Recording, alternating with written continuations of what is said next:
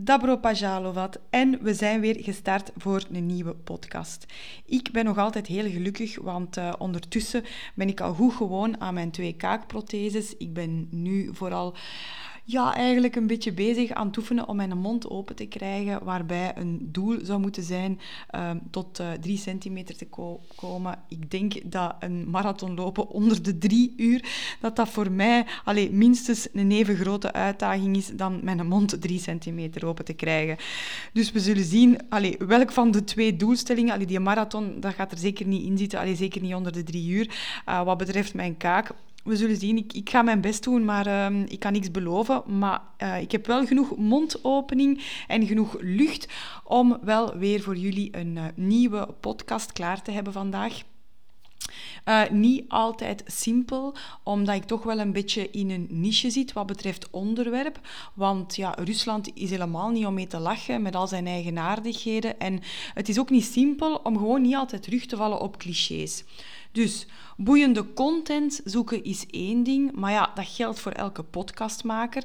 En daarnaast moet ik ook een bepaalde X-factor hebben om het over te brengen.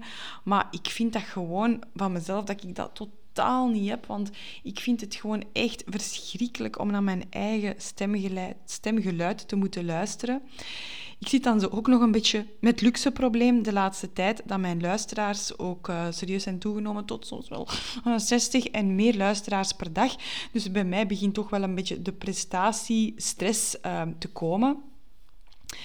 Um, want ja, bij een podcast ja, ik, ik, wil gewoon ook dat elke podcast beter is dan de vorige, maar dat is helemaal niet het geval. Of ik wil ook dat elke zin, als het ware, ook beter is dan de vorige zin.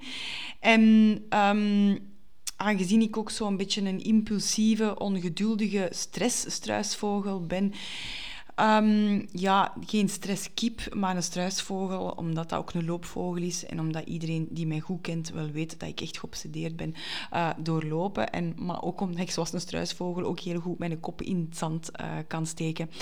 Het is de tweede keer dat ik deze podcast inspreek. Want de eerste keer toen die, op Spotify kwam, het hele vreemde was, ik kon die uh, eh, Spotify via een um, gsm of via een tablet afspelen lukte niet. Er was gewoon bijna geen geluid.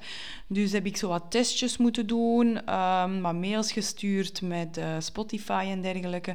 En daarmee heb ik dus besloten om dus deze aflevering gewoon idem voor de tweede keer in te spreken. En dus opnieuw te lanceren. Maar is voor de rest niks veranderd. Want in deze aflevering heb ik dan ook um, gekozen voor echt een uh, bloederige horrorzaak.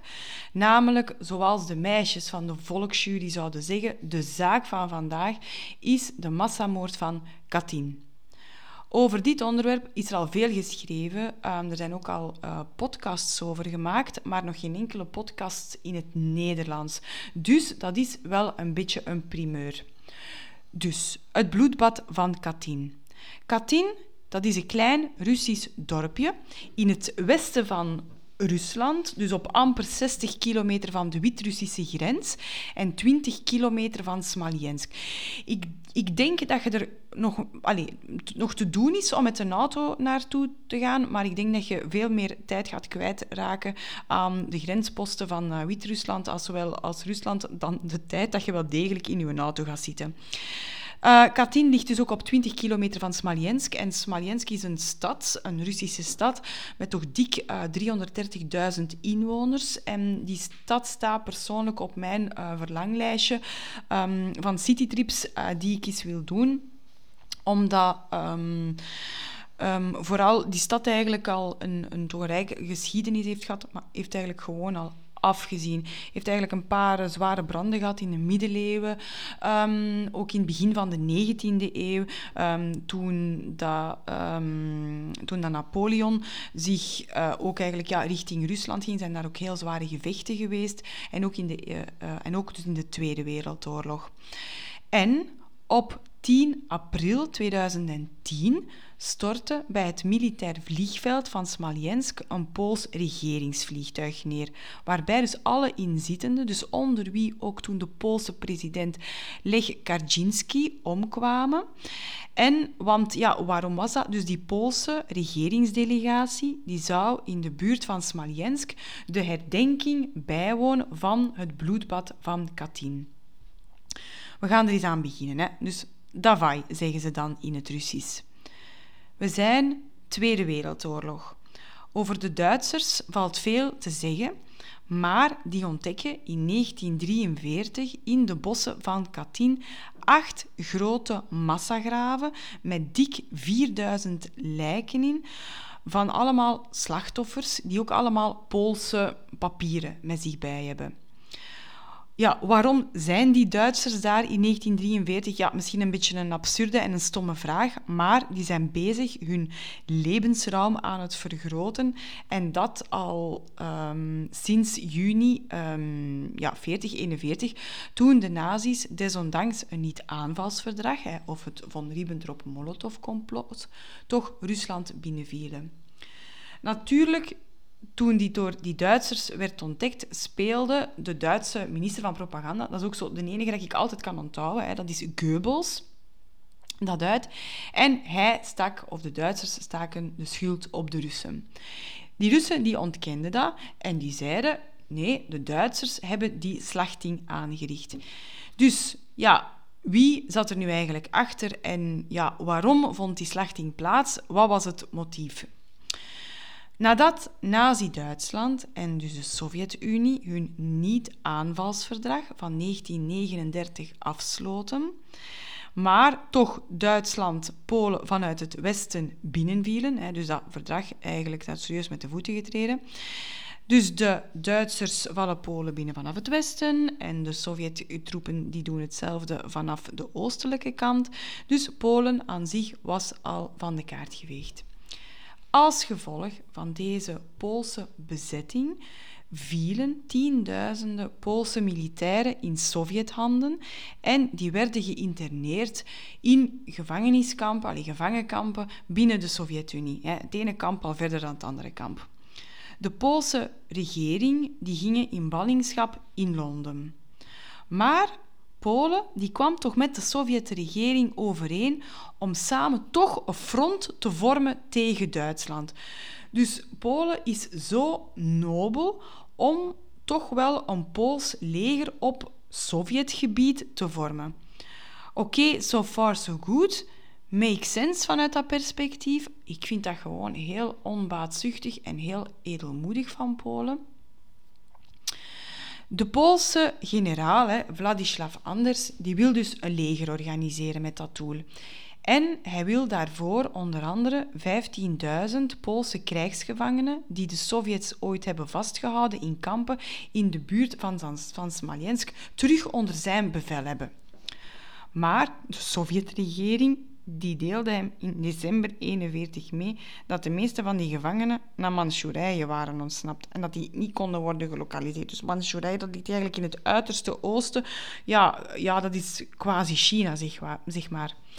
Met andere woorden, die waren dus eigenlijk verschwonden, hun mannetjes, hun Poolse mannetjes, en feitelijk ook van de aardbol verdwenen. Ja, alleen van de aardbol verdwenen, die lagen zelfs ergens onder de aardkorst, bij wijze van spreken. De Poolse regering die wist niet waar dat hun officieren waren en in welke toestand dat die officieren ook waren. De Russische overheid die zei dat die gevangenen wel weer ergens zouden opdagen, of dat die misschien zijn ontsnapt, of dat die misschien wel in de handen van de Duitsers zijn gevallen. Niks van. Die Sovjets die wisten maar al te goed wat er met die Polen was gebeurd.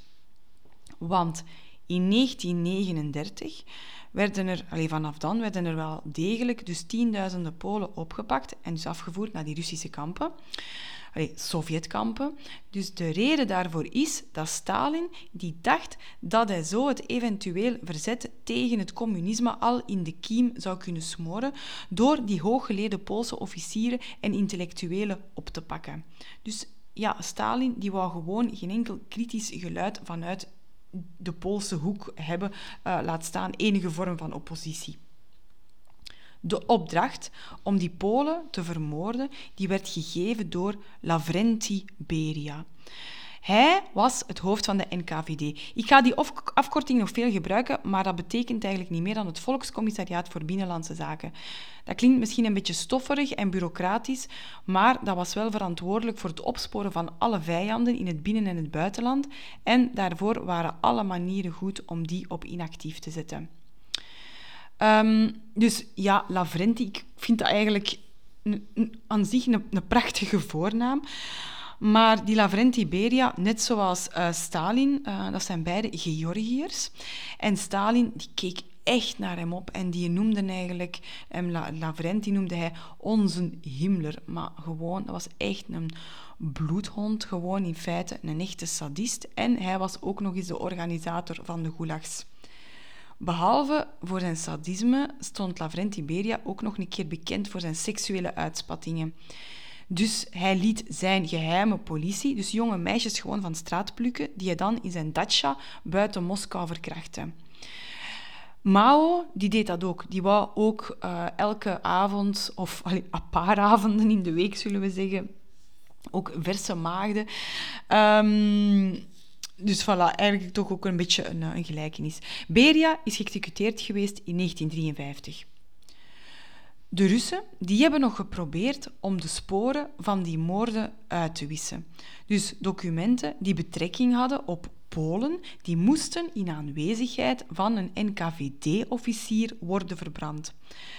De documenten van de schietbevelen die zijn inderdaad niet meer teruggevonden, maar wel de marsroutes naar de executieplaatsen, die hebben ze wel teruggevonden en dat vind ik gewoon nog meer luguber. In totaal in Katyn werden 4443 lijken geborgen die met handen op de rug um, vastgebonden waren en die allemaal vermoord zijn met een nekschot. En een nekschot is een bekende executiemethode van de Sovjet-geheime dienst. Vervolgens zijn al die lijken opgestapeld, dus in die massagraven. En daarna uh, onderzoekers die identificeerden die lijken, dus inderdaad wel als Poolse officieren, die waren geïnterneerd in een Sovjet-gevangeniskamp in de buurt van Smolensk. Maar ook in april en mei in 1940 uh, eh, werden dus in totaal over verschillende gevangeniskampen, uh, dus niet alleen in Katyn, maar dus nog een drietal andere die daar in de buurt liggen, 22.000 Poolse slachtoffers gemaakt. Daarvan was dus wel uh, de grootste groep waren wel uh, officieren, maar ook dan ook nog eens 6000 politieagenten. Uh, en de overige 8000, dat waren dan ook nog eens de meer zo Poolse intelligentia, die door de Sovjets ja, beschouwd worden als allemaal ja, inlichtingenagenten en landeigenaars en saboteurs en fabriekseigenaars. Kortom, iedereen die potentieel in de ogen van de Sovjets een opposant zou kunnen zijn. Die lijken worden ontdekt door de Duitsers. Ze zijn vermoord door de Sovjets, zeggen de Duitsers. Hè. Um, die daar ook eigenlijk flink mee uitpakken. Die zeggen van, nou nee, dat is onschuld niet. Dus er komt ook wel degelijk een internationale onderzoekscommissie onder toezicht van het Rode Kruis. En die bevestigen dat dat inderdaad toch wel um, de schuld ligt bij de um, Sovjet-Unie. Maar de de Sovjets, ja, die, die houden vol dat, dat, dat, wel, die, dat die gruweldaad toch wel gepleegd is door de Duitsers. En die krijgen daarin ook steun op dat moment. Ja, we zijn Tweede Wereldoorlog van hun andere geallieerden, namelijk de Britten en de Amerikanen. Waarom doen die dat, die geallieerden? De, de goeie, zou je zeggen, bij wijze van spreken. Die doen dat omdat ze zo hun belangrijke alliantie met Stalin gewoon niet op het spel willen zetten. Um, maar dus die bossen van Katyn, allee, in feite daarvoor ook al, dat was gewoon ja, een moordkuil of ja, het recreatiegebied al van de NKVD.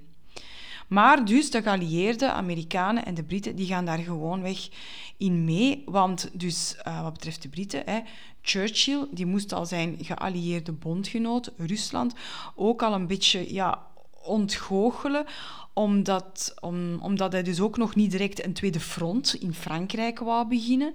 En ook um, de Amerikaanse president Roosevelt, die liet dus ook nog een keer in 1944 al, dus die zaak opnieuw onderzoeken. Maar wat hetzelfde uh, resultaat uitkwam, dat de schuld bij de Sovjets lag. Dus, en hij liet dus ook, allee, hij liet, allee, dat rapport is ook spoorloos verdwenen. Dus wat hebben de Polen dan gedaan? Die zijn echt veel te braaf. Die hebben dan maar de schuld in de schoenen van de Duitsers, Duitsers geschoven, wat natuurlijk volledig in het kraam van de Sovjets past. Nu een beetje eigenlijk over die uh, genocide zelf. Nu komt eigenlijk echt een, een gruwelijk stuk. Allee, ik wil jullie maar verwittigen, anders moet je nu gewoon maar even een beetje doorspoelen halen. Maar de strafste beul van de Sovjet-NKVD um, die daar bij die genocide heeft meegeholpen, was killergeneraal Vasily Blochin. En hij is de absolute recordhouder in termen van kwantiteit van het aantal slachtoffers. Dus die Blochin die maakte dus echt ja, een glanzende blitzcarrière binnen de NKVD. Uh, eh, hij behoorde aanvankelijk, is zijn carrière begonnen gewoon bij de bewakers van Stalin, maar heeft het dus door het uh, um, neerschieten van gevangenen toch wel geschopt tot generaal-majoor. Um, dus ja, wie was die uh, Vasily Mikhailovich Blochin nu? Um, ja, de Rus, ja, dat doet je wel door zeker. Um, die, ja, die werkte ook uh, altijd daarvoor, had hem voor zijn werk uh, uit uh, te oefenen, had hij ook zijn eigen outfit. Hè. Dat was eigenlijk een speciaal bruin leren schort, um, waarbij hij ook handschoenen droeg tot over zijn ellebogen, waarmee, waarmee, waarmee hij dus dan zo de vijanden van het volk echt een kogel door het volk joeg. In precies 28 dagen doodde hij 7000 mensen. En hij gebruikte daarvoor ook altijd een Duits Walter-pistool om zo ja, toekomstige ontmaskering eigenlijk te voorkomen. In Katyn heeft hij dat eigenlijk gedaan, ook via een vlekkeloze organisatie. Zodanig dat hij toch om de drie minuten een nieuw slachtoffer kon maken. Die gevangenen, die kwamen eerst in een ruimte terecht. Dus dat was ook altijd s'nachts. Die kwamen zo eerst in een ruimte terecht, zo een kamertje van vijf op vijf, waarbij dat de muren helemaal in het rood waren geschilderd. En ze noemden dat de Leninkamer. Daar was er dan nog een korte identificatie en kregen die nog een kleine briefing, ga ik ervan uit. Hun handen werden ook uh, achteraan op hun rug vastge vastgemaakt. Vervolgens, direct daarna, kwamen ze dan in die executiekamer terecht. Dus dat was dan ook een kleine kamer, waarbij dat die vloer ook zo'n beetje schuin afliep, met aan de rand zo een, richeltje. Een richeltje met dan zo'n putteken op het einde, waar dat er dan ook zo een, een tuinslang lag. Die een blogin, die stond dan eigenlijk achter de deur en allee, ik, ik hoop gewoon kan eigenlijk alleen maar hopen dat dat gewoon allemaal supersnel moet gebeurd zijn.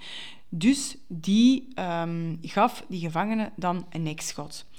Want via een uh, nekschot zal die kogel, dat is toch de bedoeling, het lichaam verlaten via hun mond ofwel via hun oog, zodanig dat dat dan ook direct fataal was, maar om ook zo het bloedverlies te beperken. Want stel dat jij gewoon los in het hoofd schiet, uh, heb je ja, een grotere, een grotere opkuis eigenlijk. Hè. Um, dus zodanig... Um, dat werd dan opgepoetst en uh, om de, de, de vol, ja, drie minuten later stond er dan eigenlijk een nieuwe. Die een blogin, um, die werkte eigenlijk altijd in shiften van tien uur uh, lang uit s'nachts. Um, waarbij hij, ja, hij deed dat eigenlijk ja, niet alleen, alleen zijn helpers. Hij beloonde die dan met vodka, maar hij zelf hij dronk geen alcohol. Dat was gewoon een theedrinker, hè, omdat hij zegt van ik moet gefocust blijven. En um, als hem dan s'avonds, als hem dan overdag zo'n beetje geslapen had, die las ook veel en dat waren vooral altijd boeken over paarden. Die een Blochin, die heeft natuurlijk Stalin overleefd, hè, want de ene keek op naar de andere kant. Uh, nee, de ene keek op naar de andere, bedoel ik. heeft ook de Lenin-orde gekregen. Maar onder de dooiperiode van Khrushchev uh, werd hij toch gedegradeerd en een combinatie van alcoholisme um, en ja, die degradatie hebben hem eigenlijk geleid tot zelfmoord. Um, maar het, ja, het, strafste van al vind ik uh, in verband eigenlijk met uh, Katyn is um, in uh, Moskou een, van de toeristische uh, plaatsen om te bezoeken. Is eigenlijk het Donskoy-klooster. Dat staat ook onder andere in Capitoolruim uh, beschreven om dat klooster te bezoeken. Um, daar is ook een um, kerkhof bij, waar dat je dus ook enerzijds dus de massa uh, graven van terreurslachtoffers uh, kunt terugvinden. Uh, maar dus op minder dan een steenworp afstand daarvan. Dus eigenlijk als je daar naartoe moet stappen, dan passeert je dat gewoon. Staat dus het graf van die Blochin. Met eigenlijk een prachtige zwarte granieten steen. Um, een, graf dat eigenlijk ook heel goed verzorgd is. Ja, dat je eigenlijk zegt van hoe, hoe absurd um, kan dit zijn. Hè? Want um, in 1946, dus toen dat je eigenlijk al die grote uh, rechtszaken had uh, van al die oorlogsmisdaden, dus in 1946, tijdens dus het Nuremberg-tribunaal, werd de Sovjet-misdaad van Katyn uh, dus door de geallieerden tegen beter weten in, dus opnieuw nog altijd toegeschreven aan de Duitse nazi's, hè, om Sovjetleider Stalin niet voor het hoofd te stoten. In het communistische naoorlogse Polen bleef de Sovjet-versie ook nog altijd de officiële versie. Um, er werden ook wel, uh, gelijk in 1981, hè, tijdens de Solidarność, werd ook wel een voorlopig herdenkingsmonument opgericht. Maar dat door die communistische autoriteiten, ja, uh, ze dat verschillende keren gedaan, dat werd gewoon telkens ja, opgeruimd of afgebroken.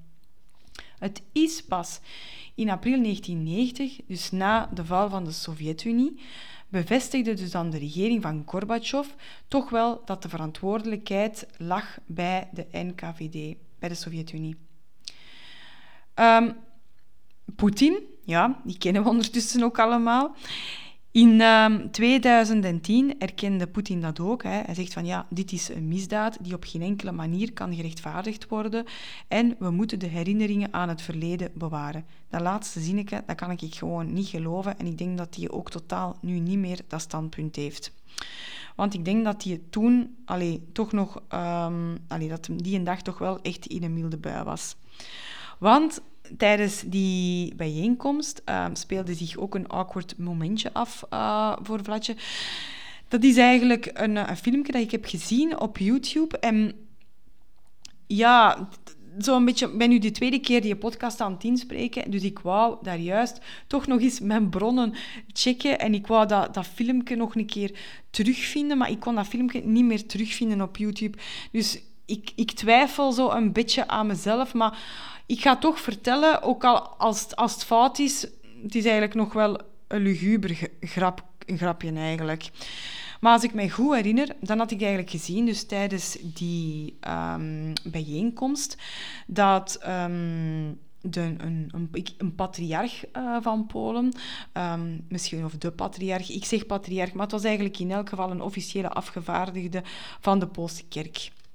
Die vertelt eigenlijk het volgende dat begint echt als een, als een slechte mop. Hè. Ja, het is een beetje een slechte mop ook.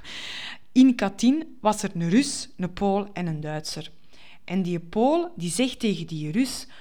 Amai, dat stinkt hier. Amai, dat stinkt hier echt ja, naar kak. En en, en je broek is ook zo vuil, hè, vol met remsporen. Heb je soms uh, een ongeluksje gehad of zo? Uh, nee, nee, nee, nee, zegt hij rust. Um, die een Duitser, die een Duitser is in mijn broek zijn behoefte komen doen. Dus ik heb toen, ik herinner mij wel dat ik toen wel het gezicht van Poetin heb gezien. Dus dat was ook wel zeker de moeite. Hè? Maar waarmee loopt deze zaak parallel? Wat betreft is natuurlijk het systematisch liegen van de Sovjet-Unie of zeg maar van Rusland. Ehm, denk bijvoorbeeld ook maar aan vlucht MH17, hè, dat door de Russen is neergehaald op Oekraïns grondgebied. Ja, een stroom van leugens was uiteindelijk het Russische antwoord op deze ramp. Hè. Is het einde van de stroom leugens uit Moskou in zicht? Nee, nee, nee, dat is het niet. niet. Daarvan ben ik uh, 100% um, zeker, want ik las vandaag bijvoorbeeld ook in de krant dat er in uh, Kiev cyberaanvallen geweest, dat de Russen natuurlijk ook absoluut ontkennen. Um, dus ja, de affaire Katyn is op, in dat opzicht dus ook maar zeer illustra illustra illustratief ook, helaas. Um, deze podcast is dus maar een keer opnieuw helaas weer een voorbeeld van de vele gruweldaden tijdens de Tweede Wereldoorlog. Um, Rusland zelf ziet dat niet als een genocide, maar eerder als een uh, militaire misdaad, met dus ook al een verjaringstermijn van 50 jaar.